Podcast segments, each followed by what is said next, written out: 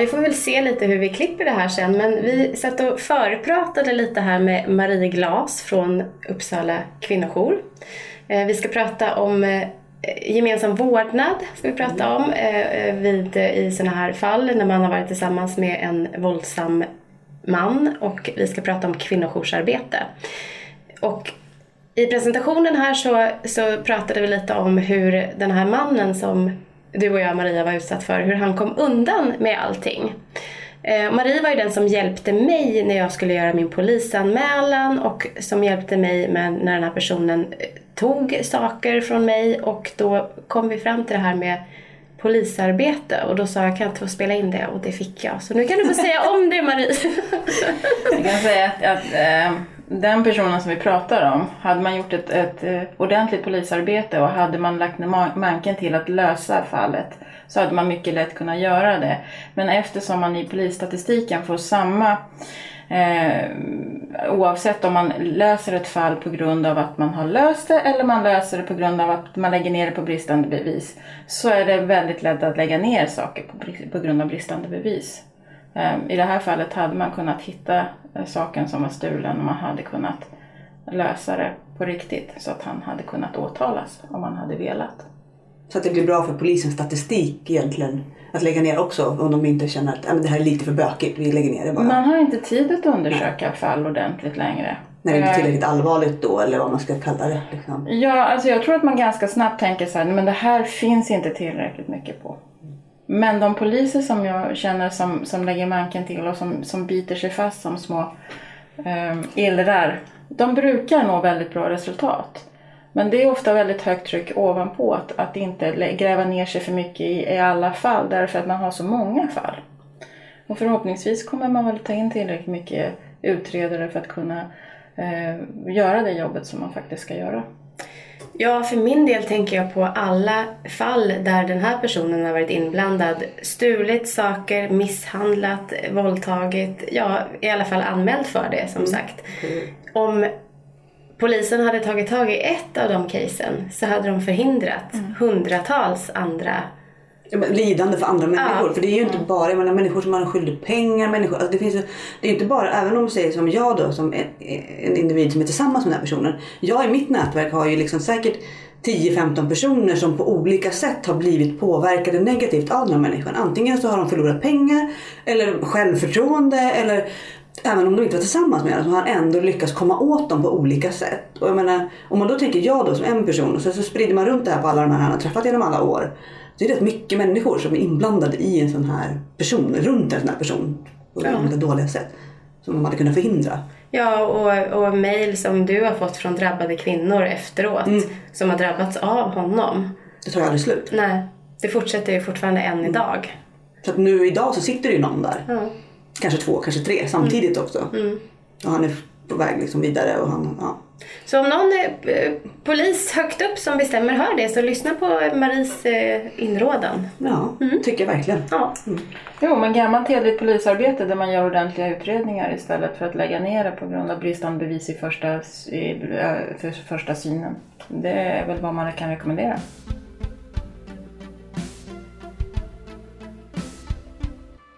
Jag jobbar på Uppsala kvinnojour som jurist. Jag har jobbat där sedan 99. Inte som jurist, men det har jag gjort sedan 2006. Eh, jag har också en egen juridisk firma eh, och jobbar väl rent allmänt när det gäller mäns våld mot kvinnor helt enkelt. Ja, jag vet ju att du har hjälpt många eh, i vårdnadstvister och alla och, de delarna. Mm utan att gå in på något specifika, men jag vet ju att du har varit eh, enormt du bra. För det. Jag kan gå i god för det ja.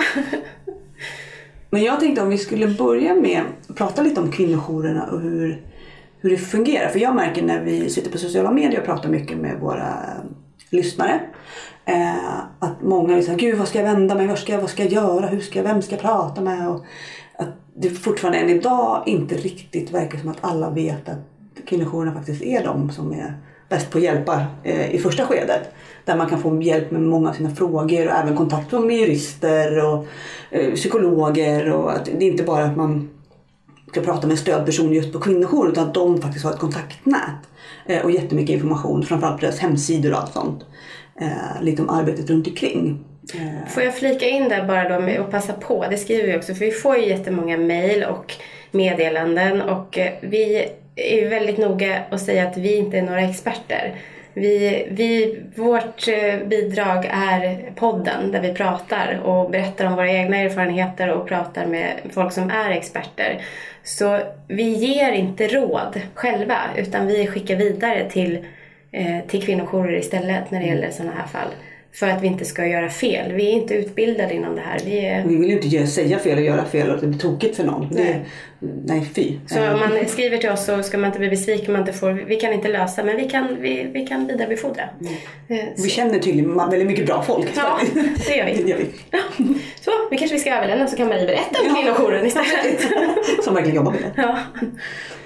Ja, alltså kvinnojouren är väl bra på det sättet att man fortfarande kan höra av sig dit anonymt. Eh, det tycker jag är en stor fördel i dagens samhälle, att man inte alltid måste mm, berätta vem man är. Och att det inte förs journaler. Nu är det så att bor man i det skyddade boendet så kommer man att föra journaler för det kräver Socialstyrelsen. Eh, och då kan man inte heller vara anonym naturligtvis. Eh, man kan komma till kvinnojourerna för att prata. Det är den största verksamheten på Uppsala kvinnojour i alla fall, att man har stödsamtal. Eh, vi följer också med till olika myndigheter och eh, poliser och socialtjänst och, och ja, allt möjligt skulle jag säga. Mm, till och med några som har varit med uppe på förlossningen. Där vi behövs, där är vi så att säga. Ehm, och sen så är jag då anställd där som jurist så att vi jobbar ju mycket med juridik på Uppsala kvinnojour. Ehm, och det tycker vi är väldigt viktigt därför att väldigt mycket av frågorna handlar om juridik. Eh, och det gör också att tar man bort juridiken från de vanliga stödsamtalen så kan man också få bearbeta mycket mer av det som har hänt eh, i det samtalet och sen har man juridiken som tar hand om det som händer också runt omkring fast utanför stödsamtalet. Då. Också de flesta kvinnojourer har ju ett skyddat boende. Um, och det, vad ska man säga om det? Ja, de, de är bra. Mm.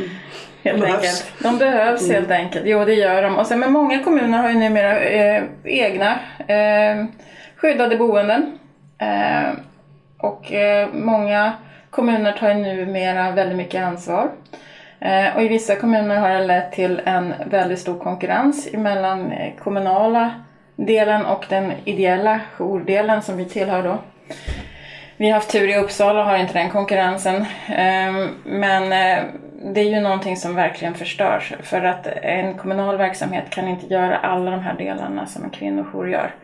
Eh, ett skyddat boende i kommunal regi är ett skyddat boende. Det handlar inte om följa med, det handlar inte om juridik, det handlar inte om eh, vad som händer utanför på samma sätt. Eh, så att man Utan det blir mer en plats bara där man bor. Det blir inte allt runt omkring helt enkelt. Ja. ja. Mm. Så är det. Mm. Eh, tyvärr. Och eh, ofta så blandar man ihop då kommunal verksamhet med kvinnojoursverksamhet. Men det är inte alls samma sak. Eh, vi jobbar betydligt bredare och vi kan jobba längre också. Vi kan följa med under väldigt lång tid. Både före man lämnar och efter man lämnar. Och ibland så har vi kontakt med kvinnor flera år efteråt, inte hela tiden, men som checkar in och säger så här Hej, hur står det till med er? Och med mig står det till så här och det är ju helt underbart att höra att det har gått bra för dem och så. För det går bra för de flesta. Det gör det ändå? Ja. Det känns inte så när man sitter i allt sånt här. Man känner att det är bara misär. Det, det går aldrig bra nästan. Även fast det har gått bra för oss då. Men, ja. men du förstår vad jag menar. Ja. Just, när man, så här, just det finns mycket på, på våra sociala medier. Man säger, gud, är det någon det går bra för? Vi hade ju det även någon, någon gång när vi satt här i en intervju. Just där. Men vi vill ha solskenshistoria. Men det kanske finns Oh ja. ja det är bra. Och, och vi brukar säga så här, kommer man på sitt andra stödsamtal så brukar det gå vägen. Det gäller att man kommer på det första, det gäller att man fortsätter. För som ni hade väldigt mycket i ert, det här PDSD-avsnittet, det här med att kroppen kanske inte vill eller man, man, man känner ett motstånd mot att ta tag i det. Men gör man det eh, och man får den uppbackning som finns inom en kvinnojour så skulle jag vilja säga att det nästan alltid går bra. Eh, vi har väldigt få av våra kvinnor som går tillbaka till männen. Eh, och det är för att de kvinnorna som kommer till kvinnojouren söker sig dit själva. Medan polisen till exempel har en helt annan bild och socialtjänsten också en annan bild. Därför att de kvinnorna får mer, men säg att det är lägenhetsspråk, det som kallas lägenhetsspråk och så kommer polisen och så tar man kvinnan. Hon kanske inte är färdig att lämna. Eh, får hon inte stöd direkt och så vidare så, så, så, så är hon ju fortfarande kvar i det här förhållandet. Eh, och kanske då mera går tillbaka. Medan kvinnor som söker sig till en kvinnojour, även om de inte har lämnat, har i alla fall en idé om att det här förhållandet är faktiskt inte bra. Eh, och vi ställer ju inte krav på att man ska lämna. Eh, för det är också viktigt att det här beslutet är kvinnans beslut. Eh, men vi finns ju där som en normaliserande eh, verksamhet, det vill säga att om, om, om man berättar men han, han slår inte mig, han, han bara puttar in mig i väggen eller mm. han drar mig i håret eller någonting sånt där. Så gäller ju bara den här normala rösten som säger fast det är inte okej okay, och även det här misshandel. Och att man frågar med jämna mellanrum, vill du göra en polisanmälan? Men väldigt få av våra kvinnor gör polisanmälan. Därför att de vill inte göra polisanmälningar, de vill hellre bara ha lugn och ro. Och det får man ju respektera, så att säga. Men, men eh, och särskilt om man har barn skulle jag säga, då vill man särskilt bara att han ska bli snäll. Och om jag bara är tyst nu så kommer det här lösa sig. Och det går över liksom? Det går mm. över. Men, eh, Men hur stort är mörkertalet då egentligen? Man så? Jag skulle säga att det är hur stort som helst. Det mm. finns ju olika mätningar på det här. Men om man säger så här, kvinnojouren i Uppsala kom till 90, 89, nu säger jag 81 kom jag till. Nu kommer mina kollegor att bli jätteglada. Eh, men 81 ska vi pröva med. Mm.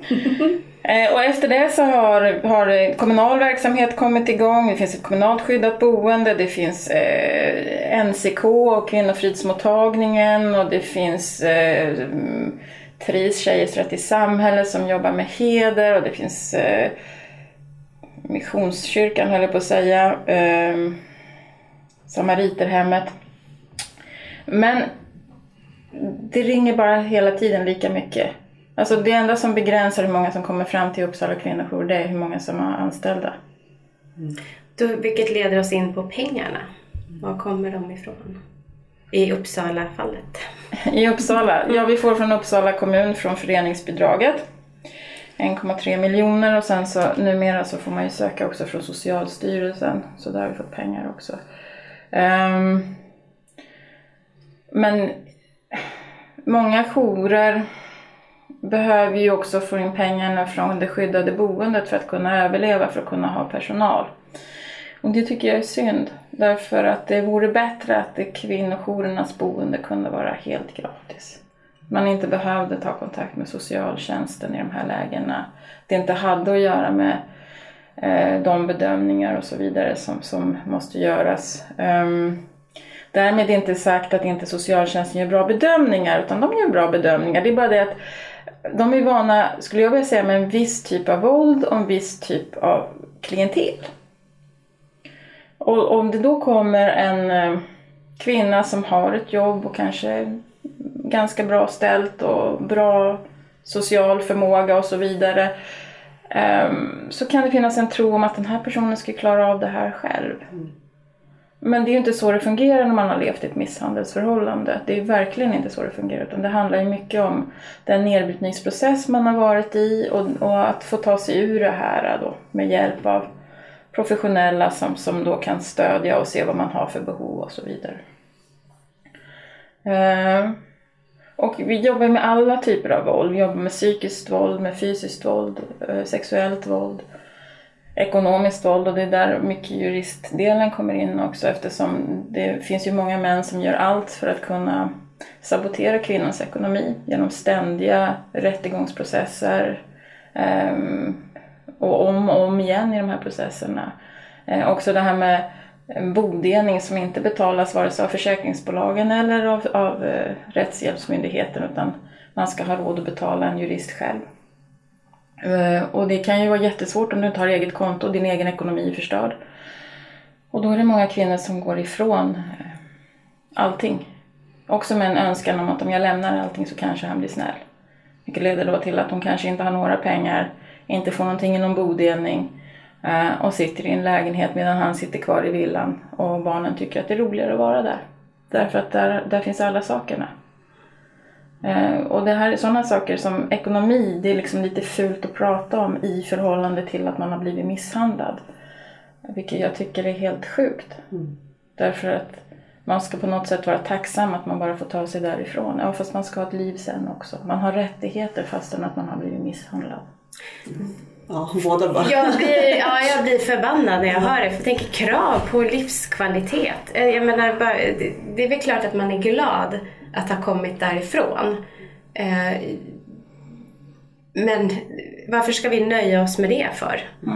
Och varför ska samhället nöja sig Ja. att kvinnor ska Ja. nöja sig med det? För att, att, att kvinnan känner sig nöjd initialt, det är, liksom, det är väl lätt att förstå. Men samhällets roll är väl att stå där och säga fast du har också andra rättigheter. Mm.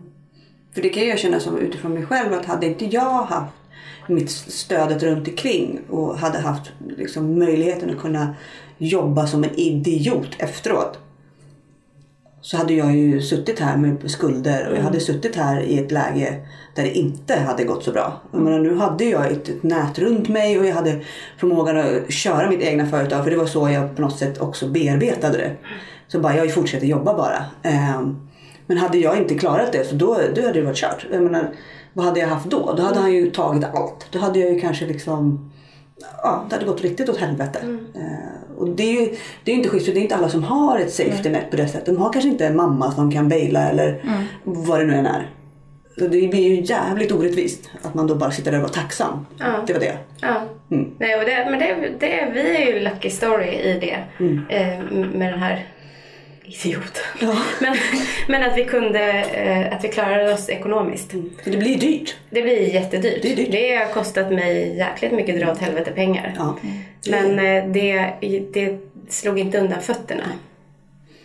Att, Och just att det tar, för mig tog det ändå, det tog ju ganska lång tid innan jag fick rätt på alla, alla bitarna. Och jag menar fortfarande så har man ju liksom, nu, nu är det ju, har det gått fem år men det, det, har ju, det var ju inte så att jag bara betalade några kronor och sen så gick det över utan det, man fick ju kämpa liksom ett par år för att få det vill man ju nästan inte säga för då blir han skitnöjd. Det vill man ju inte säga men så var det ju tyvärr. Karma is a bitch, Ja. Verkligen. Man kan ju hoppas i alla fall, säger jag som är bitter. Jag har hoppet kvar. Ja. Eh, eh, Jag tänkte på eh, en viktig sak också, fortsätta med dina frågor. Det är två grejer. Dels, dels så tänker jag på kvinnojourer överlag över Sverige, hur ekonomiskt stöd och så, att man får en liten kortis. För du har ju suttit i styrelsen för ROX också och har koll på det. Eller kanske inte varje enskild, men du, du vet ungefär hur det ser ut. Och sen en annan sak som vi behöver, eh, män som misshandlare är inte psykopater per definition. Hur ser ekonomin ut överlag för kvinnojourer i Sverige? Det är svårt att säga. Däremot så det som jag kan säga det är att de pengar som kommer ofta då via Socialstyrelsen är det nu som regeringen eh, ger till kvinnojourerna och som man får ansöka om handlar nästan alltid om nya projekt. Det handlar alltid om en vidareutveckling. Eh, och de flesta av oss, vi, vi, vi, klart vi vill vidareutvecklas, vill ju alla föreningar. Men vi vill ju ha anställda. Vi, vi, vi har ju en grundverksamhet som är svårt att få försörjning för mm. den basen eh, vore ju skönt att ha tryggad på ett annat sätt. Att det var pengar som gick till, ja men gör ert jobb. Mm. Så att inte alla behövde sitta och hitta på nya projekt för att sen kunna anställa folk och så vidare. Eh, De flesta jourerna är jättetrötta på det. Eh, Och så är det väldigt omständiga eh, ansökningsformulär i en pressad situation där vi försöker liksom vi har ju inga administratörer anställda på det sättet. Vi, har ju liksom, vi jobbar ju och, och drar oss lite i det här med kvinnorna och våldet och hur vi ska lösa och, och alltihopa det här. Och så kommer den ena ansökningen efter den andra och det är krångliga och det är regler och det och regler är ju bra, men, men eh, för det kan, och kontroll kan ju också få finnas, det är inte det vi säger. Det är bara det att det måste ju vara för basverksamheten någon gång. Det är som att basverksamheten aldrig är riktigt viktig. Inte tillräckligt, så man kan Nej. inte ge nya pengar för den. utan Nej, den, utan då ska det vara någon konferens eller något nytt eller utveckla den här delen av er jour eller någonting. Som att det, rest, som att det andra riktigt var tryggat redan, men det är det ju inte. Och det är ju ofta där också det här pengarna för skyddade boendet kommer in. Eh, Och, eh, Men det är klart att det kan kosta att bo på en kvinnojour men, men eh, jag tycker ändå att, att det är bra om man kan ha några rum. Vi har ju någon viss del som vi faktiskt kan göra lite som vi vill med fortfarande. Ja, det är bra. Finns det jourer i Sverige som inte har något ekonomiskt stöd alls? Eller har, har alla det? Jag vet faktiskt inte hur, hur de har gjort med sina anställda. Det har att göra med om kommunen vill ge pengar och det har att göra med vad de lämnar, får in för ansökningar till Socialstyrelsen. Sen finns det ju en del jourer som fortfarande inte vill ha anställda för att man vill ha en, en ren ideell verksamhet. Eh, men de flesta, inklusive oss, har ju gått därifrån och säger att ja, fast kunskap, det här är kunskap, det här är ett kunskapsyrke. Eh, det här är inte bara mm, kvinnor som sitter och pratar lite om våld och, och synd om dig utan det här, det här bearbetas, det här jobbas, det här, här, här ska vi liksom nå fram till ett resultat ihop med den här kvinnan tillsammans. Ehm, vi har för länge sedan lämnat det här med mm, jag höll på att säga dricka kaffe men jag dricker väldigt mycket kaffe med den här kvinnan. Men, men ja, men att, att vi har lämnat det här med syster till syster och att inte, inte inte vara professionella utan att vi, vi har kunskap och det är en nischkunskap som är väldigt viktig att kunna. Ja, vem skulle ersätta det om inte kvinnojourerna fanns? Vad skulle kostnaderna bli, tänker jag? Mm. Ha massa fristående konsulter då som de skulle ha. Ja, men vem skulle, vem skulle Det går ju- bekosta det? Vem, Det, nej, sen finns ju numera en, en inriktning till att det vore ju bra om det var väldigt mycket socionomer istället då. Eh, Och vi har ju inga sådana krav på att man måste vara just socionom. Vi har ju ett krav på att man ska ha nischkunskapen om våld. Eh, Eh, och det kan ju, alltså jag har verkligen ingenting emot socionomer och de kan väldigt mycket saker men i deras utbildning finns väldigt, väldigt lite om våld mot kvinnor. Så att ha har kommit ut som nyexad socionom eller har jobbat som socionom behöver inte ha kommit i kontakt med det här med våld överhuvudtaget.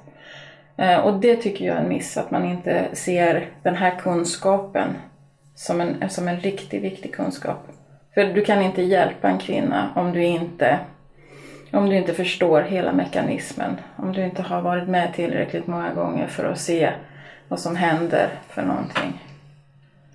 Att bara ha läst socionomlinjen, det räcker inte. Det kan ju vara livsfarligt att ge någon fel råd eller Mm. Om du inte har den kunskapen. Om... Och sen är det väl också lite kan jag känna eh, känslan för en annan människa när man tittar och pratar med den. Och ser, förstår den här personen vad jag säger? Kan den känna med mig i det här?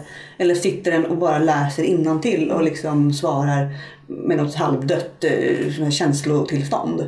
För det är också det kan man ju känna när man pratar med folk som har blivit utsatta själva. Att man kan fortfarande mötas i att man får förståelse oavsett vilken nivå det har varit av, av våld, bara varit psykiskt eller om det har varit jättegrovt så kan man ändå mötas i känslan och i rädslan och i allt som man har gått igenom. Man klarar inte av att bli ifrågasatt många gånger. Tänker jag. Det måste, det måste Man är väldigt skör där. Ja, fruktansvärt med och vad gäller sexuellt våld till exempel. Ja, ja, Och just om man lyssnar mycket på tonlägen hos den personen man träffar och får förtroende för. Och har man ett tonläge när man känner att men den här är inte med på... Det märker man när man pratar mycket med polisen, det har jag pratat om tidigare också. Liksom just hur de tonsätter vissa ord och hur man hör att Ja, jag tycker inte det är jätteviktigt egentligen. Det hade kunnat vara viktigare. Och det är det som absolut, jag menar, kommer man till en kvinnojour och är så här, ska jag, jag, vågar jag det här eller inte? Och stå med ena foten i dörren att nej, men jag skiter i det, jag stannar kvar, det är bättre, det är säkrare. Och sen blir man bemött på ett felaktigt sätt och känner att jag har inte förtroende här. Då är ju risken att man trillar tillbaka till den där jävla människan i alla fall. För att man blir rädd. Så det känns ju inte som en bra grej att ha bara utbildade personer som inte har hjärta och själ med sig i det. Skicka med till politikerna, prioritera det här. Kostnaderna blir högre än om vi nu ska räkna kronor och öron om det är det det ska vara. Kan man bidra, jag tänker om man som privatperson, kan man liksom så här skicka pengar till Uppsala och säga hej här får ni Ja, det 20 kan 000 man. av mig. Ja. Jag tycker att ni är så jävla Oh ja, man kan ge oss 20 000 men det utan problem. Man kan också ge oss mindre belopp och de flesta jourerna har ju antingen någon slags swish eller ett konto som man kan, kan ge och det är många som gör och det kan variera. Det kan vara en syförening som har gjort en liten insamling eh, eller som en större eh, insats. Jag tycker inte man ska lägga någon värdering i att det måste vara 20 000 eller någonting sånt där och jag tycker att det kan jag tycker att det är kul att folk faktiskt numera stöttar kvinnojourerna. Jag, jag tycker att generellt sett i samhället så känner vi ett jättestort stöd för vårt arbete. För 20 år sedan var vi betydligt mer ifrågasatta än vad vi är nu kan jag ju säga. Nu är ju det här, nu har det ju hänt någonting. Folk förstår det här med våld eh, mot kvinnor på ett helt annat sätt. Men jag tänker på det här när du sa eh, hur man låter och vad man säger. Vi hade en det var faktiskt poliser som vi hade lite problem med en gång för, för nästan 20 år sedan säger vi. Men i alla fall, det, det var, de, de kunde säga sådana saker som det kom en kvinna eh, eh, och eh, hennes man eh, hade faktiskt en pizzabutik. Eh, och, eh, när, när, och då var på den tiden man hade telefoner med telefonsladd. Mm. Eh, och eh, då kom, kom, hade han försökt strypa henne i den här sladden och så kom polisen och så säger polisen så att Ja, men han gör ju goda pizzor. Alltså, jag, jag har sett dig skratta åt fel håll känner jag nu. Ja, och, och, den här kvinnan hade ju gigantiska svårigheter att komma över det här. Liksom. Vad menade han för någonting? Menade han att, att jag ska acceptera det här för han gör goda pizzor? Eller vad menar han? Och jag tänker så här, för jag kan känna lite sådär ibland när, när det kommer till exempel vissa kaféer kan man inte gå på, vissa restauranger. Och jag kan tänka mig, han kanske tänkte så här om man var skjutsing, nu kan jag inte äta pizza här heller. Eller så. Jag vet inte vad han tänkte. Det kan ha varit en sån liten, men man kan inte säga nej, det nej. i det läget. Tyvärr. Ja. Mm. Tyvärr, man kan inte spontant säga sådana saker nej. lite sådär. Ja. Eller som någon som sa såhär, men han försörjer ju dig. Mm. Du, du får inte säga det i ett polisförhör. Oh. Liksom. Det, det, går inte. Nej. Wow. Det, det, ska du verkligen anmäla han försörjer dig? Det, det var den kommentaren hon fick. Man bara, nja. Mm. Det förvånar mig, men man hör ju såna ja. att det kommer sådana kommentarer fortfarande. Det förvånar mig att, att det finns så lite kunskap.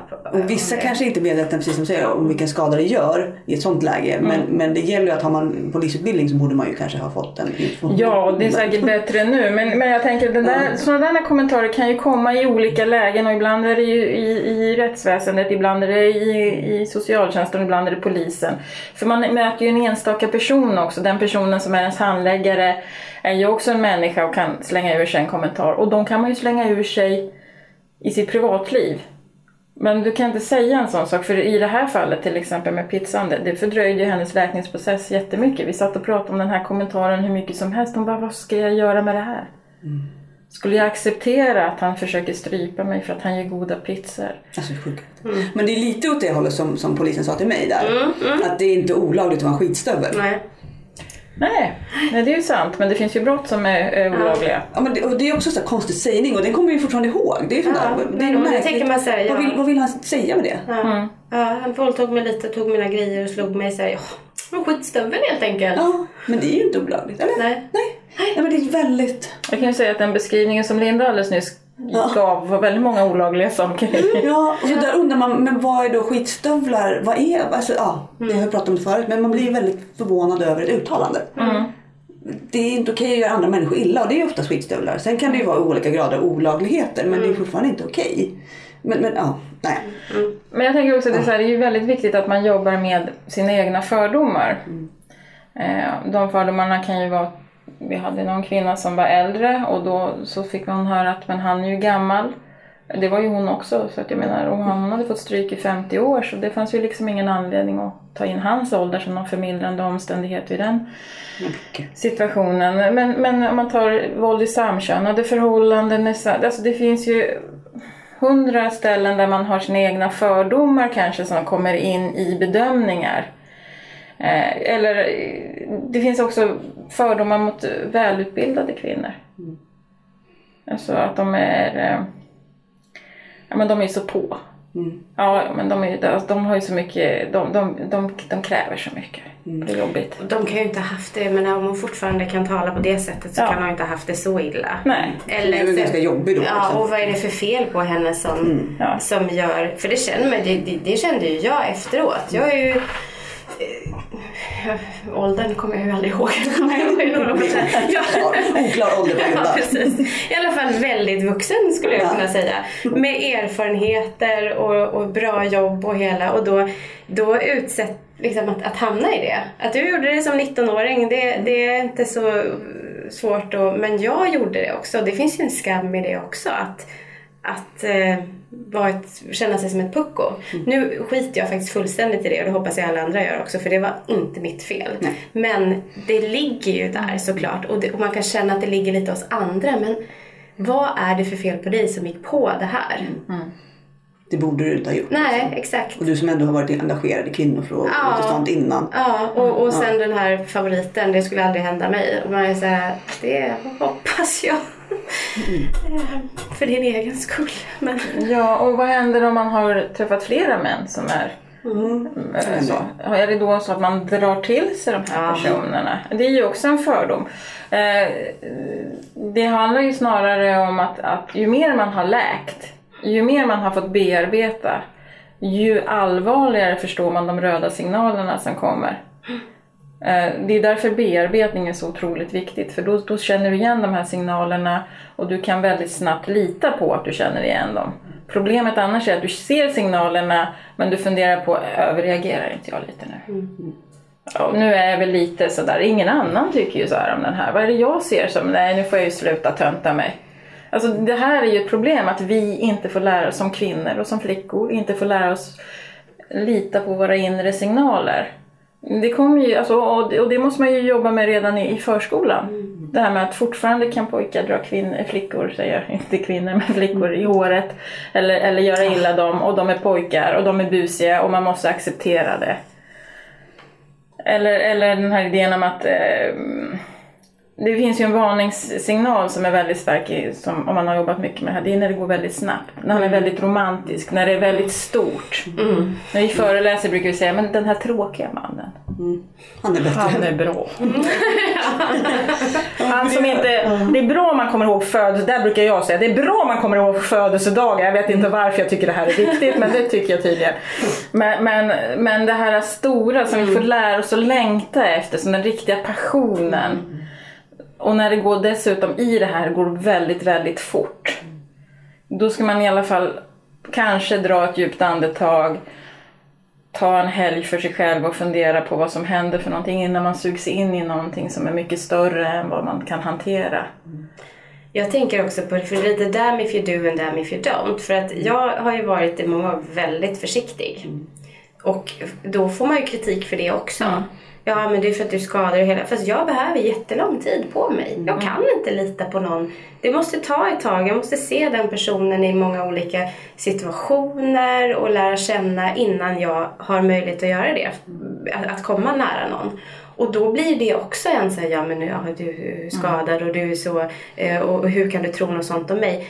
Jag kan inte veta, jag kan aldrig veta. Det, och, och, och det behöver man också ha och det respekterar jag hos mig själv och den som inte gör det den får väl strunta i det då. Men man hamnar ju, då- får du ju, då får du skit för det också när du är avvisande. Så det är ju lite den här äh, situationen att, att sitta i. Jag är ju hellre åt det hållet då men ja. Jag tycker bara att det är... Jag blir förbannad på det. Nej, jag blir förbannad jag på kan det. ju känna så här, det som jag tror att man, man som eh, många personer hade behövt kunskap men det är just om de här liksom, säljteknikerna som de här människorna använder sig av. Mm. För vissa är ju då som du säger, det går så fort, de är så romantiska, de spelar på alla fiolerna på en gång och de säger precis exakt det du vill höra. Men vissa har ju andra tekniker och de är så jävla skickliga. Lite som, som du var inne på också, att du var lite äldre och ändå åkte dit på det. Trots att du har men då var du där också lite mot dig själv. Du kände att jag ska ge dig en chans. Han verkar ju ändå trevlig. För då hittade han en, en, någon slags kanal in där på dig med rätt inställning och du kunde Ja. säga rätt saker. Han sa ju de ändå sakerna. liksom- Någon gång ska du väl liksom släppa det här. Ja. Så att han... Och då kände du att han sa lite det du själv sa till dig själv. Och så var det så här, ja men då kanske det är meant to be nu. Ja, precis. Och så hade han den taktiken, Ja. den jäveln. Ja, exakt. Ja. Men nu vet jag den också. Ja, nu kan du den. Check på den. Ja, men det är det man känner, det sånt där skulle man ju behöva lära sig typ i skolan. Så här, hur, hur, hur, hur kan man göra med den här fot i dörren principen som Håkan pratade Ja. om lite här. Har du gjort den lilla tjänsten så är det så lätt att den här lilla byggs på. Håkan. Ja. Ja, mm. Just det här med sekter och lite även som de här människorna också använder sig av. Liksom, du gör det här lilla jävla teet och till slut efter några år så gör du allt. Ja. För att du har liksom redan accepterat det Du lilla. har förflyttat dina gränser Ja, lite i det sånt taget. hade jag ingen aning om. Nej. Men, sånt, men nu har man ju fått en crash course. Ja. Jag höll på att säga, det är ju bra, men det är det inte naturligtvis. Eh, Men, men en, en annan varningssignal som, som finns är ju också det här när det är fel på alla ens vänner och ens familj. Det är ju egentligen den stora, stora varningsflaggan. Långt innan det blir ett slag, långt innan det går åt skogen skulle jag säga, så, så börjar det här försöken till isolering. Och de kan ju vara just det här att om man är ute och fikar så rings det hela tiden och om man inte svarar så blir det förhör när man kommer hem. Och, och, och det, det, alla tekniker för att se till att du inte ens orkar. Att du kommer och hämtar efter jobbet för att det är så himla charmigt att han gör det i början men det är inte så himla kul när du aldrig kan göra någonting med dina kollegor därför att han alltid står där och vill man inte åka med så blir han på dåligt humör och det blir ju fel. Så att, det finns när isoleringen börjar, för den är, ett, den är ett måste för att det ska bli riktigt illa.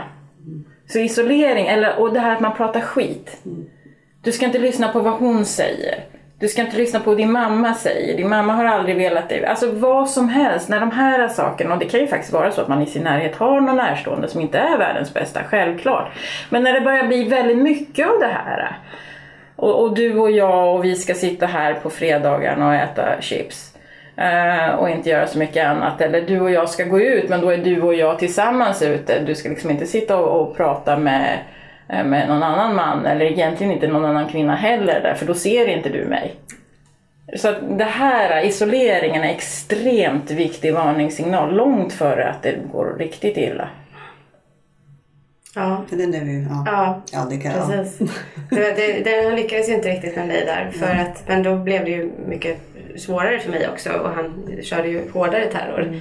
Det var ju lättare att göra det med en 19-åring. Mm. Ja, men det, är, och det är som du säger, man har ju alltid olika faser i livet så har man ju olika typer av relationer och vissa kanske relationer kanske inte är jättestarka. Då är det svårare för en själv att känna att ja, men hon, kan, hon, är, hon säger ju inte alltid så bra saker. Den där mm. mamman eller den där bästa kompisen. Eller, mm. Men det var ju lite som du vet, du pratade om att när han gick mellan dig och din dotter, eller var det ja. din mamma?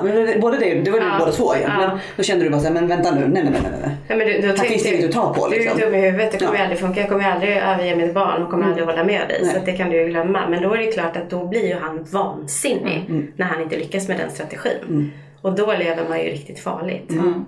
För då misslyckas hela projektet. Liksom. Ja. Man måste ju få bort alla. Ja. För mig var det ju lite enklare för då kunde jag successivt ta bort alla och sen flyttade vi från staden där mm. vi bodde och hamnade i Stockholm. Och då är, i Stockholm umgås man ju på ett annat sätt med folk. Är inte, man har inte samma närheten till liksom, familjen. Det finns alltid en liten distans. Och det är precis som du säger det här med att de gör en massa tjänster. Ja, men nu var det ju aldrig han som hämtade mig men jag skulle ju alltid vara en, hämta honom, köra honom överallt, vara liksom. Och det var ju alltid vi mot världen. Liksom. Mm. Den här vi mot världen grejen är ju som man kräks. Mm. Men det är ju väldigt effektivt. Och så känner man att vi är lite speciella som duo. Mm. Så därför måste vi vara ihop, vi mot världen. För det är ju så bra. Ja, och så vidare. Ja, man blir så trött efteråt. Men, men så är det ju. I det, i, där och då så är ju det, det är ju självklarhet. Det är så, ja men gud, det här är ju själsfränden. Vi, det är ju vi. Vi har det ju så bra. Och så har vi det ju helt värdelöst. Men det är ju en ja, bisak bara. Och sen finns det ju en extra svårighet om man är ung. För att vi brukar ju säga det att om man, en, en vuxen kvinna som hamnar i ett misshandelsförhållande minns ju vem hon var innan hon mm. hamnade i misshandelsförhållande. En ung person i tonåren håller fortfarande på och söker. Och vet inte riktigt vem man ska vara inte, alltså generellt sett, det finns alla möjliga tonåringar, men, men, men man, man, söker väldigt mycket, man håller på att skaffa sig en självidentitet och så vidare. Och då är det svårare att veta, vem är det som är jag? Och, och vad är det som är normalt? Medan en vuxen kvinna kan minnas att jag hade faktiskt en tid där jag gick ut och tränade. Jag hade en tid där jag kunde gå och fika med folk. Jag har varit tillsammans med andra män där jag kunde sitta eh, eller åka på konferens utan att det hände massa förhör efteråt och så vidare. Och det kan vara lättare då att hitta tillbaka, om, inte om det går för långt, men, men om man bryter som i det verkar som i ditt fall här, mm. väldigt snabbt då. Då är det lättare att hitta tillbaka till sig själv också. Alltså i tonåren så är det svårare och eh, vi har ju också märkt när, när tonåringar kommer och söker hjälp på Uppsala kvinnojour att, att det finns en extrem förmåga till att vilja hjälpa. Som jobbar emot tonåringar. Um, Ja, han är sån här nu därför att förut, för att någon har gjort honom illa. Men jag ska minsann vara den här bra personen som eh, kommer stå för vad som är rätt. Och om jag gör allting rätt, då kommer allt det här andra obehagliga att försvinna iväg. Bara jag skärper till mig och gör det här så. Medan, och, och, och, men, men det som är spännande också, många unga tjejer, de är så här, han behandlar mig som skit, jag tänker inte ta det här. Och när en vuxen kvinna kommer dit, då brukar hon lämna. Men, men tonåring kan det vara så här, han behandlar mig som skit, jag tänker inte ta det, men jag måste försöka lite till. Mm. Tonåringar är väldigt, de jobbar hårt skulle jag säga. Det är många vuxna kvinnor som gör det också, absolut, och det kan gå väldigt långt så. Men det, det är en skillnad på att inte ha en färdig egen identitet innan man hamnar i misshandel och efter. Alltså. Men det var väl det kanske, jag, jag håller med, precis det du beskriver, att man vill göra så rätt och man vill vara så bra, man vill hjälpa, man vill vara den här som gör precis som han säger, för då kommer det bli bra, för det säger han ju också. Det ska ju bli bra då. Men när det då har gått, när det börjar bli nionde året, tionde året så börjar man känna så här, men när kommer det där då? Mm. När, när ska det infinna sig? Det var då jag började någonstans ge upp. Att, för till slut så blev det, då var det ju, då är ju inte jag kapabel att fixa det här jag är inte kapabel att fixa honom, hjälpa honom. Så då blev det ju mitt fel. Att jag förmodligen var ju, det var ju fel på mig. Mm. Jag är säkert psykiskt instabil, jag har jättemycket svårigheter. Så till slut så vart det, vart det ju ingenting kvar. För att det kom ju aldrig det där braiga som skulle komma. Utan det var ju precis samma sak. Mm. Och då var det mitt fel. Inför, inför mig själv. Och då, då gav, gav jag ju upp. Det var ju bara tur i helvete att jag blev kär mm. i någon annan. För det hade, annars hade jag nog suttit här. Mm. det är liksom hela den man vill vara så duktig, man vill hjälpa till, man vill verkligen vara lite som på TV tror jag kanske också att det blir lite det här man ska rädda någon, hjälpa honom för han har ju haft det svårt, mm. stackaren. Det så här körde han ju liksom med. Stackaren hade ju jättejobbig barndom. Det, det, där, det tycker jag är jätteintressant att vi pratar om. För att du tyckte synd om honom för det. Mm. Jag tänkte rycka upp det för fan. Alltså på mm. riktigt. Så ja. det var ju så. Så att jag, tyck, jag tyckte, jag fastnade ju på ett annat sätt. Så att han lyckades ju hitta in och, och nå mina delar. Mm. Som aldrig handlar faktiskt om att rädda honom överhuvudtaget. Nej. Utan det handlar ju om att jag drogs ju till det här eftersom jag är en ganska vad ska jag säga? Färgstark så, så bara, wow, ja men precis. Och jag ser ju det här är ju fullt möjligt. Här är en person som gör grejer. Det var ju du som gjorde det, visste inte ja, jag. Nej. Det är därför du och jag umgås nu. Ja. Men, eh, så det var ju den biten som jag, som jag föll för. Så han kunde ju inte ta, men han lyckades ju där. Och där kommer vi in lite på det här som vi pratade om, att alla män som eh, misshandlar är ju verkligen inte psykopater. Jag är helt säker på att den personen som du och jag har eh, delat på är psykopat. Det, det, och utan, jag inte lä- men allting som jag har läst och fått reda på så tror jag verkligen att han är det. Och, och allt jag vet om honom annars. Um, och det var väl därför, alltså det sättet han lyckades på, han har lurat alla. Men det kanske vi bara ska... Vad säger du erfarenhetsmässigt med män som slår? Alla kan ju inte vara så många psykopater kan vi ju inte ha i med tanke på hur mycket misshandelsfall det finns. Nej, jag tror att många inte alls är psykopater faktiskt. Eh, men det finns en, jag tror en, det finns en, en önskan om man har blivit riktigt illa behandlad av att det ska vara en psykopat. Att det inte riktigt ska vara hans fel, att det är genetiskt betingat. Att, att det här onda han gör eh, måste vara en sjukdom. Eh, men det krävs ju mycket mer och det har ju ni berättat ordentligt i er eh, podd här. Eh, kraven för att uppfyllas för att bli en psykopat. Mm. Och det är många av dem, de, det här med lögner till exempel. På det sättet som den personen ni pratar om. Det finns ju inte nästan, det är ju inte så att det finns i alla fall. Mm. Till exempel. Naturligtvis är det något fel om någon kan slå någon. Men därifrån till att det är psykopat tror jag inte alls att det är. Men jag tror att det finns en önskan hos, hos kvinnor som har blivit misshandlade att det ska vara psykopat. För att då finns det i alla fall en förklaring. Inte en önskan naturligtvis på det sättet att man önskar någonting. Men, men, men i alla fall, då är, då är inte det då är inte det han bara, utan det är en sjukdom också. Och det kan ju också göra att man kanske stannar för man tror att han är sjuk. Mm. Men jag tror att eh, många, många Många, många vet vad de gör och många, många är väldigt sådär, det, De går ju från kvinna till kvinna. Det har man ju sett. Att det är ju inte kvinnorna som går från man till man utan det är de här personerna som går till kvinna till kvinna och att det blir snabbare och snabbare misshandel och så vidare. Men därifrån till att de skulle vara psykopater hela bunten, det tror jag inte. Det finns inte riktigt belägg för att de skulle vara det.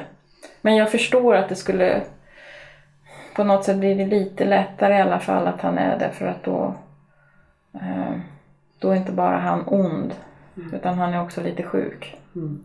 Ja, och, men då kan man ju också för att hjälpa till och jag ska försöka uttrycka det här, avliva det här. För är han verkligen psykopat på riktigt, då ska du ju springa ändå. För då finns det absolut ingenting som du kan. Det gör det inte annars heller, så man ska inte stanna i vilket fall som helst. Så det är både, både och.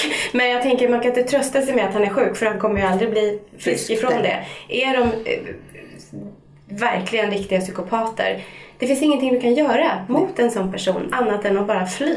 Mm. Så mm, Ja. Men, men det, det är också intressant för jag tänker just på det som du var lite inne på. För det här, det var ju lite för ett tag sedan i Nyhetsmorgon. Mm. Den här personen som satt i TV och hade berättat om att han minsann hade blivit frisk från sina, sitt eget våldsamma beteende mot kvinnor och så vidare. Bla bla. Jag behöver inte gå in specifikt på det fallet. Men de här männen, oftast om det nu är män, det är ju inte så ofta kvinnor, det skulle vi också vilja prata lite mer om sen. Men de som slår och använder våld som ett vapen för att få de saker de vill ha. Går det liksom att bota dem egentligen? Nu kanske inte du är rätt person att svara på det, men du är jurist. Men jag tänker att du, din erfarenhet, vad känner du liksom? Det, det, finns ju behandling och i Uppsala så har, har det funnits någonting som heter mäns våld mot kvinnor. Eh, mottagning mot mäns våld mot kvinnor och nu heter mottagning mot, mot våld det som är viktigt då det är att man, man i sådana fall jobbar med ansvarsdelen skulle jag vilja säga. Han måste ta ansvar. Han måste ta fullt ansvar för vad som har hänt och, och, och, och så vidare. Och det finns ju andra lagstiftningar. Jag vet att man i, i Australien har haft en, en, en eh, idé om att om man eh, för att sen komma in på vårdnad. Men, men, om man till exempel ska få vårdnaden om barn då ska man ta fullt ansvar för det våld, eller ha tillgång till och med till umgänge. Om man ska ha umgänge med sina barn så ska man ta fullt ansvar för det man har utsatt kvinnan för, mamman för. Och man får inte fortsätta prata skit om henne inför barnen. Alltså, ja, eller hur? Någonting att jobba för ja. tycker jag. Liksom verkligen eh, lag. Ja. Liksom, så. Du ska, du ska ta ansvar för våldet som du har gjort. Och jag tänker, jag tror att, de, att man kan nå vissa typer av män mm. genom det här. Jag tycker då inte att man ska ha den typen av, av där man har time-out. För jag gillar inte det här, uh, om du fortsätter att gnata på mig nu, då måste jag ha en time-out för annars vet inte jag vad jag kan göra. Mm. Då, är ju det, då är ju det en form av uh, Mm. Eh, det är en hotsituation. Ja, precis. Om du fortsätter nu, då kommer inte jag kunna ansvara. Alltså, om inte du ger mig time-out mm. nu och håller käften, då kommer jag inte kunna ansvara för för jag har sagt time-out. Mm. Nu vet du, för nu är du varnad. Vet jag. mm. Men jag jobbade ihop med en kvinna eh, ett tag som hade jobbat med, med, med psykiska funktionshinder. Hon sa när vi använder time-out, då innebär det att den personen som är våldsam ska gå och sätta sig någonstans. Mm. Den ska ta timeout. Ja, den ska ta timeout. Mm. Det är inte kvinnan som ska timeout. Så behandlingar som går ut på att, att mannen ska liksom lära sig känna när han blir arg, tala om för kvinnan att nu håller jag på att bli arg. De behandlingarna tror jag inte ett dugg på för de används som en ytterligare ja. förstärkning. Mm. Plus att då är det verkligen ditt ansvar. Ja. Mm. du fortsatte verkligen. Vi hade ju ordet stopp. När han sa stopp så då fortsatte jag. Sa jag ett litet pip så small det. Ja. Och, och då kunde blir... han ju säga stopp liksom innan jag ens hade sagt första... Ja. ja. Och då ska du hålla käften. Det var mitt fel. Ja, ja. ja, ja. Och jag fick absolut inte håna. För hade man hånfull ton, då var det ungefär samma som stopp. Mm -hmm. För det kan inte han hantera. Han kan inte tolerera att någon hånar honom. Man mm. får inte liksom lägga till någon slags röstförvrängning för då smäller det. Var det en objektiv håning eller var det han som subjektivt bestämde när det var en håning också? Oftast var det ju han. Ja. Oftast kunde det vara att jag, man liksom bara upprepade det han sa för att man var liksom såhär, men vad är det du säger? Man blir mm. förvånande liksom, är det verkligen det här du menar? Mm. Och då var det en indirekt då hånade jag honom. Mm. mm. Så att, det var ju han som styrde reglerna för de här grejerna också. Det var ingenting vi hade gjort gemensamt. Men till slut så blev det ju det att, nej men det här har vi kommit överens om nu. För att jag någonstans ändå sa, ja men det låter väl rimligt. Jag ska inte, jag ska inte pusha på om det är så att du känner att du inte klarar av att hantera det och att du blir arg. Det vill ju inte jag. Nej. Då ska inte jag pusha på det då är det viktigt att jag respekterar ditt stopp. Mm. Men det gör ju också att det begränsar ens egen möjlighet att få uttrycka sig, det begränsar ens möjlighet att få faktiskt gräla om någon tycker någonting är fel. Utan det blir ju i stort sett så att vid det här laget så ska du lyda. Annars får du skylla dig själv om det smäller. Jo, och för mig kan jag känna, jag hade ju mitt indirekta stopp när jag kände att jag blev osky, alltså både oskyldigt dömd eller när han hittade på saker som han tyckte att jag hade gjort som jag inte alls hade gjort. Eller allt det här, det var egentligen stopp för mig, men det, de stoppen var ju aldrig viktiga. Att jag kände alltid att det här var ju ett väldigt ojämnt upplägg. Det var ju inte alls liksom rättvist på något sätt. Utan det var ju bara han som fick säga stopp. Jag fick inte säga stopp när det var skitigt överallt och ingen som brydde sig om någonting och det bara var kaos när jag kom hem. Det skulle jag ju bara ta. Men det var egentligen också ett stopp. Men det, det fanns ju aldrig åt båda hållen. Nej.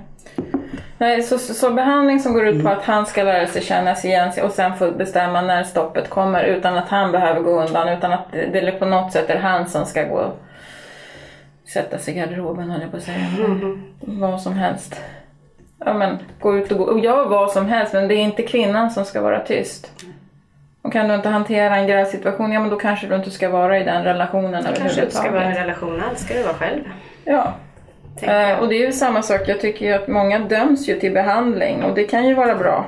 Men jag kan inte förstå varför man inte kan dömas eh, till behandling samtidigt som man sitter i fängelse. Det är väl jättebra om man kunde det. Och det har ju funnits, det fanns en, en, eh, ett, eh, ett fängelse utanför Mariestad. Eh, Vad vi har fått höra så har de lagt ner. Vi var på studiebesök där och det var väldigt bra upplagt. Det var, det var just det här att då var man dömd för grov kvinnofridskränkning och behandling. Och det var mycket sådana saker. Kvinnan fick inte prata med mannen först i, som hade blivit dömd om inte hon först hade pratat med en psykolog och som säkerställde att hon var... Alltså det fanns mycket sådana tankar kring som vi tyckte var jättebra. För att som det nu är så här, ja visst behandling är jättebra. Men vad händer med straffdelen? Gå och prata en gång om veckan är inte ett straff, det är skjutsingen en belöning. Ja, Ja, det är ju fantastiskt att man får den möjligheten ja. att kunna jobba med sig själv. Ja, Fint, det kostar dyrt. inga pengar. Alltså, det är skitbra. Du får jobba med dig själv, du får utveckla dig, du får ta bort eh, skavanker om man nu vill kalla sig på det sättet att man slår någon. Men, men, men varför ska man inte straffas? Varför, och varför, då får man väl göra det samtidigt då? ja. Eh, och, det- och det här tycker jag är jätteviktigt därför att man jag bråkar ibland med poliser som tycker inte att de här människorna är kriminella. Eh, därför att de är, de, är, de är vanliga män. Vilket det inte alls är. Därför att hade de varit ute på stan och bankat skiten ur någon varje fredag eller lördag, då hade de ansetts vara kriminella. Nu går de hem och gör samma sak hemma.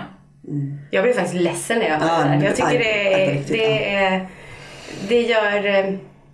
men- Ett kvinnoliv är inte värt någonting då. nej. Det är vad som det Men, eller om du är kvinna och får stryk på stan då kanske. Ja, för då blir det jobbigt för samhället att se det. Liksom. Ja. Men så länge du är hemma så är det inte lika jobbigt. Nej. Och du ska nog vara en kvinna på stan och få stryk och inte ha gjort speciellt mycket väsen av det heller. Nej, precis. Det Du är, får liksom, ja, du får gå där med din handväska och liksom Det är som jag brukar säga, det ska vara en tvåbarnsmor som är oskuld som ska bli våldtagen för att bli trodd. Fint. Så ungefär. Ja. Sen finns det ju en annan typ av, av eller en annan typ av, men mer en annan typ av situation som också är väldigt jobbig när det gäller kvinnojoursdelen och det är ju de som blir hittagna av män. Och att vi fortfarande har en tvåårsregel i Sverige. Och inom den här tvåårsregeln så är det så väldigt svårt att bryta ett förhållande när de har blivit misshandlade därför att det, det här misshandeln måste vara så pass grov. Och det måste ofta till en dom till och med. Vilket gör att kvinnor lever kvar med våldsamma män eh, för att inte bli utvisade. För de måste ha varit här och varit gifta i två år. Eller De varit, måste ha varit här i två varit här i år. två år precis. Så då måste de stå ut de där två åren för att kunna få ett... Och extra tråkigt blir ju då om han byter ut henne efter ett år, komma nio månader eller någonting sånt Det där. där kommer jag ihåg att det problemet var ju för 20 år sedan när jag jobbade i en jour också ideellt. Att det, var, att det kom kvinnor som ehm, där de, det var systematiskt byta ut efter precis, ja, men, nästan två år då. För då kunde de skicka hem dem.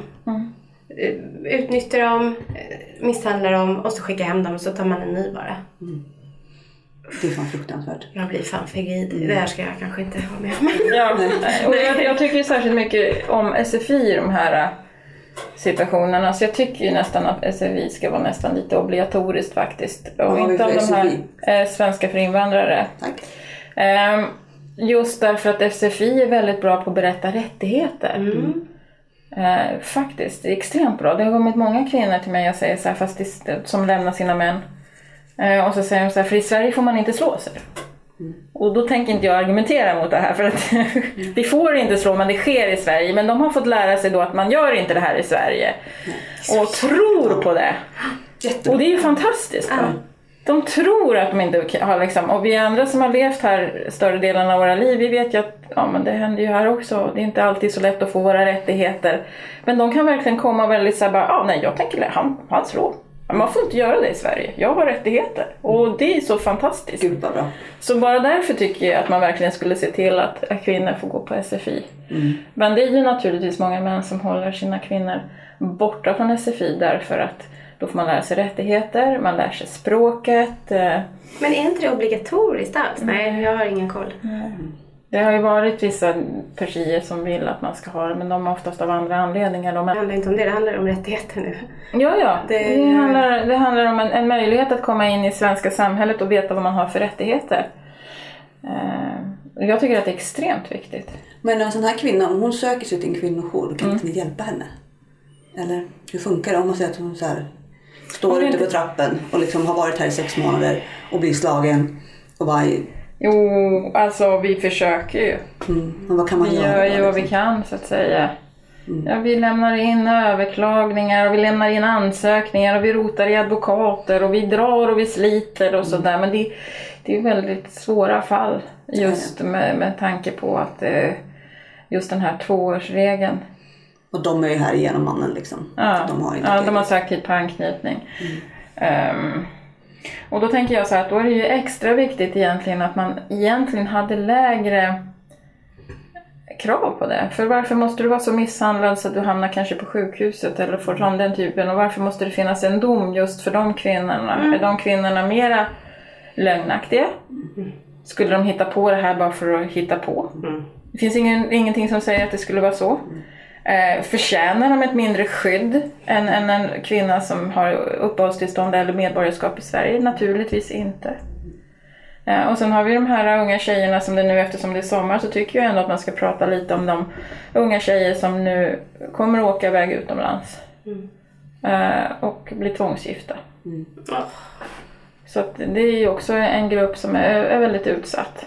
Och där man måste jobba mycket mer tycker jag på eh, nationell nivå där man jobbar diplomatiskt för att eh, se till att utveckla eh, möjligheter att hämta hem flickor som inte kommer tillbaka. Ja, vi måste sätta ner foten och bara säga det här accepterar vi inte. Det, vi gör inte det. Vi, vi kan inte. Men det är bara ett par år sedan vi fick tvångslagstiftningen när det gäller äktenskap, äh, äktenskapslagen. Det är bara så här helt horribelt. Ja, det Det är, är så helt sjukt. Alltså man, man blir chockad när man hör Mm, det. Det, det, är, så- det känns som att man lever på 1902 liksom. Ja. Det, ja. Men om man tänker sig framtiden då för, för kvinnojourer och arbetet som de gör. Hur tror du att det kommer se ut? Kommer det vara mycket samma, eh, samma upplägg? Eller hur känner du att det kommer liksom hända, vad kommer hända? Jag vet inte, ibland känns det som att vi kommer bli utrotade. Eh, därför att eh, man vill ha eh, mera statlig, mera kommunal verksamhet. Och då kommer man förlora mycket av det här. Dels våran nischkompetens men också våran bredd. Eh, det var jag önskar att man kunde se att alla, alla behövs och att vi är komplement till varandra. Att det, det finns tillräckligt mycket jobb att göra utan att strida inbördes. Det är verkligen så att det finns hur mycket som helst att göra. Det är hon med en suck. Det är- Mm. Det är verkligen fruktansvärt. Men det känns som att det är ju bara toppen av ett isberg, det som man hör och ser. Mm. Det andra är ju liksom, ja, det är så stort så man kan inte ta på det. Och det var väl det vi kände också när vi började med podden. Det är så här, helvete vad stort allting blev. Jag tycker att, den här, att vi har så olika kunskaper. Att jag kan träffa människor, jag som har, har vetat det här och varit engagerad i många, många år. Eh, inte på din nivå men ändå har ju koll. Och sen så möter jag människor ibland som inte alls vet och som nästan förnekar att det här skulle... Det känns som att vi lever helt olika världar. Ibland känner jag att jag kan inte ens prata om det här därför att du lever inte på samma planet som jag gör. Jag vet att det här är en verklighet. Om jag skulle ösa ur mig allt det här, du skulle inte tro det. Jag tycker den är fantastisk. Jag kommer tillbaka till den här gruppen Alla vi. Där måste man ju, Det är inte alla som får se det och, och det ska jag absolut inte berätta något som står. Men men eh, bara generellt hur mycket övergrepp det handlar om. Hur mycket vanliga människor, hur mycket övergrepp det är och vad det har hjälpt många människor att få, få dela med sig av de här erfarenheterna. Och jag tycker den är jättebra att den är sluten och ibland vill jag bara skrika ut när någon säger att de inte tror att det finns. Att herregud, det, det finns tusentals berättelser. Det är helt galet. Mm. Och det är ju det är bara öppna ögonen och våga se. Mm. Men märkte ni någon skillnad i och med metoo-vågen som kom? Nej. Du märkte att det var liksom samma Mm. standard på hur många klienter, eller vad säger man, Mm. ja, som ni hade? Vi, vi har väl våra maxgräns, vi får inte in så mycket mer. Nej. Eh, beroende på hur många anställda vi har. Och det är väl likadant. Alltså, jag, jag upplevde inte att det blev en eh, större anstormning till kvinnojouren på grund av metoo. Absolut inte. Och inte fler bidrag eller någonting. Nej. Nej. Nej. Fördelen Men däremot tycker jag att den är väldigt viktig. Jag, ty- jag tycker den har gjort någonting på samhällsnivå. Mm. Men det har ändå, det har ändå varit många som fått upp ögonen. Så finns det alltid de som, är, som tycker att ja, men det är så mycket på historier och sånt. Men de vill man ju... Ja, Det är deras problem. precis. Jo, men det kommer ju komma en backlash just nu. Det har ju börjat komma i domstolarna att, att det är flera tidningar som har blivit dömda för att Ja. man har lämnat ut för mycket och så vidare. Och naturligtvis ska man inte lämna ut för mycket, självklart inte. Men det var väl inte det metoo handlade om, att Nej. lämna ut för mycket. Utan det handlade om att visa upp hur utbrett och hur stort det här våldet är. Eh, och jag tycker ju om att, att man i den här andan också haft, man har ju haft alla vi, man har ju också haft de här under ytan och, och eh, även den här för prostituerade. Mm. Just det. Eh, att det faktiskt, våld mot kvinnor finns på alla fronter och att alla har rätt till hjälp. Man behöver inte ha levt det perfekta svenssonlivet för att vara en person som ska ha hjälp. Nej. Utan det, Alla är värda lika mycket hjälp liksom. Du ja. kan bo på gatan och du kan vara VD. Mm. Mm. Du ska ha samma hjälp. Ja. För det är fortfarande, du har fortfarande samma problem, du har fortfarande samma ångest, du har fortfarande samma skador. Du är fortfarande samma människa. Sen att du kanske kan hantera det på olika sätt, det är en helt annan sak. Men det är ändå samma personer. Eh, Är det någonting du känner, jag tänker just med kvinnojoursarbete, som du tycker att, att framförallt våra lyssnare borde veta? Liksom om hur det funkar och som att vi får mycket frågor. Liksom saker som jag tänker att ni som saker ni erbjuder, saker, vad, som, vad man kan få hjälp och lite sådana bitar. Alltså det är ju väldigt olika vilken kvinnojour du ringer till beroende på hur mycket resurser man har och vilken inställning man har till om man ska ha personal under dagtid och så vidare. Det är väldigt olika. De flesta kvinnojourer eh, har numera anställda och i mån av tid så följer man ju med på olika saker så att säga. Ehm, jag är ju den enda eh, anställda juristen. Eh, vilket, I hela Sverige, I eller? hela Sverige. Eh, vilket jag tycker är helt fel. Jag tycker att alla kvinnojourer ska ha en jurist anställd. Ja.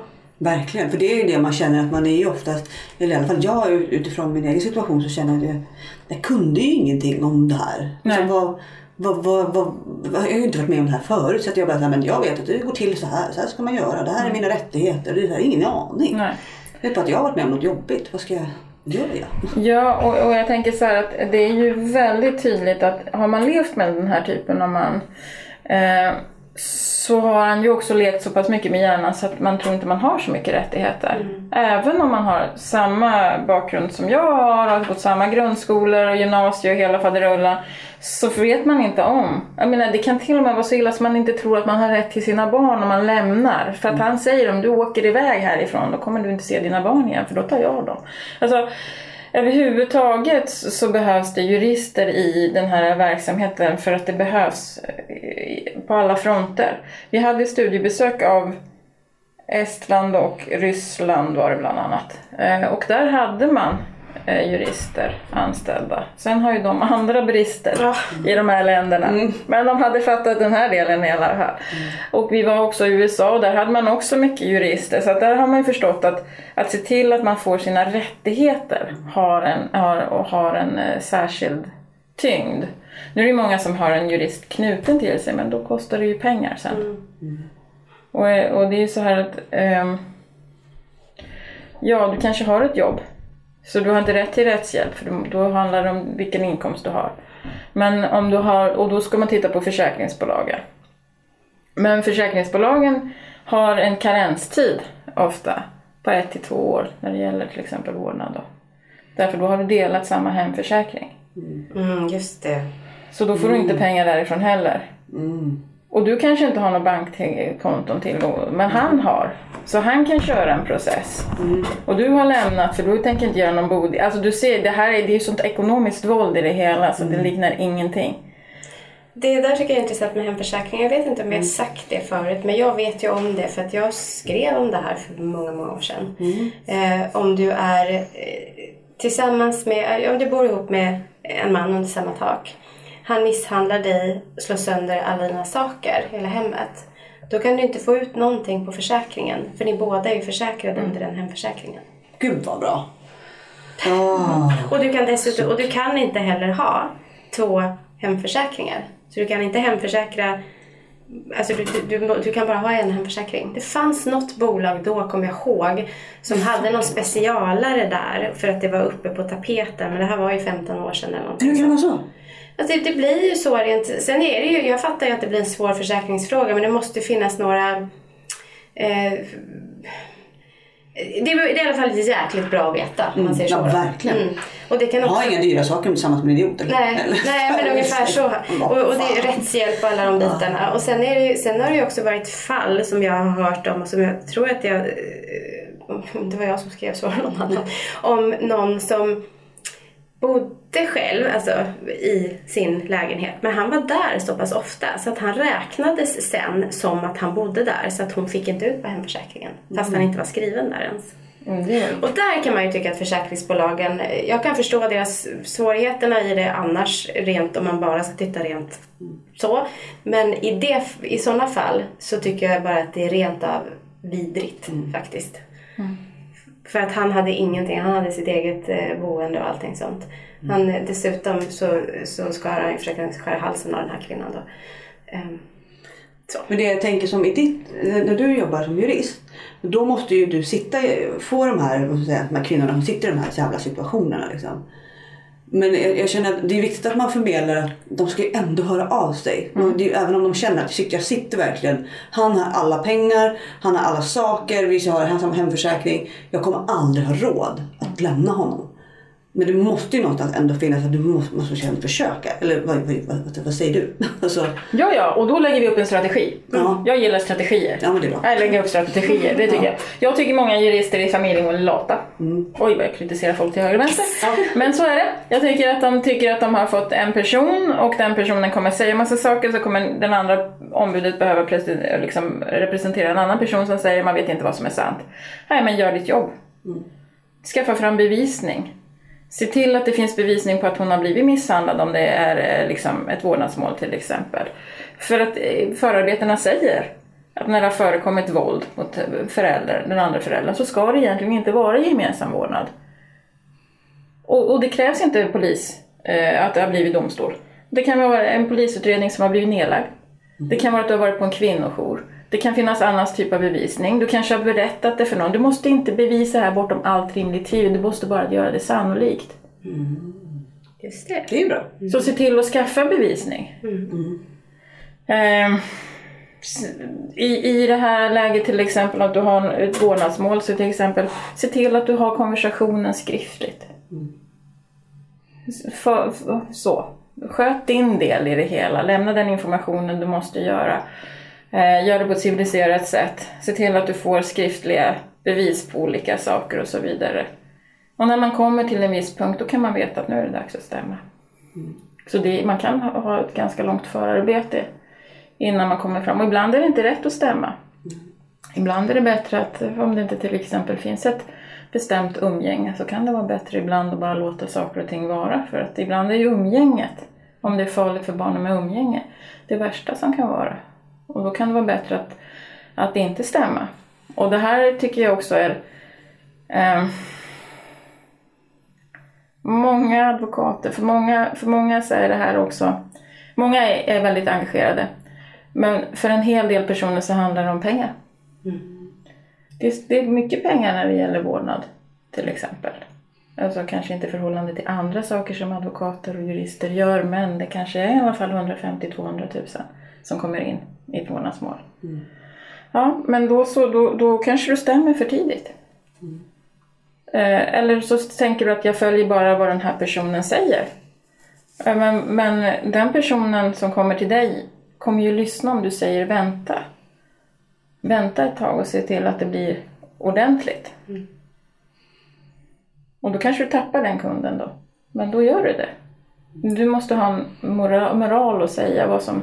Alltså, det måste vara ett informerat beslut från den som stämmer. Och när det gäller bodelningar så finns det ju ingen ekonomisk hjälp att få. Eh, så att då är det ju jätteviktigt att, att ha en, en gratis jurist som jobbar och ser till. Ja.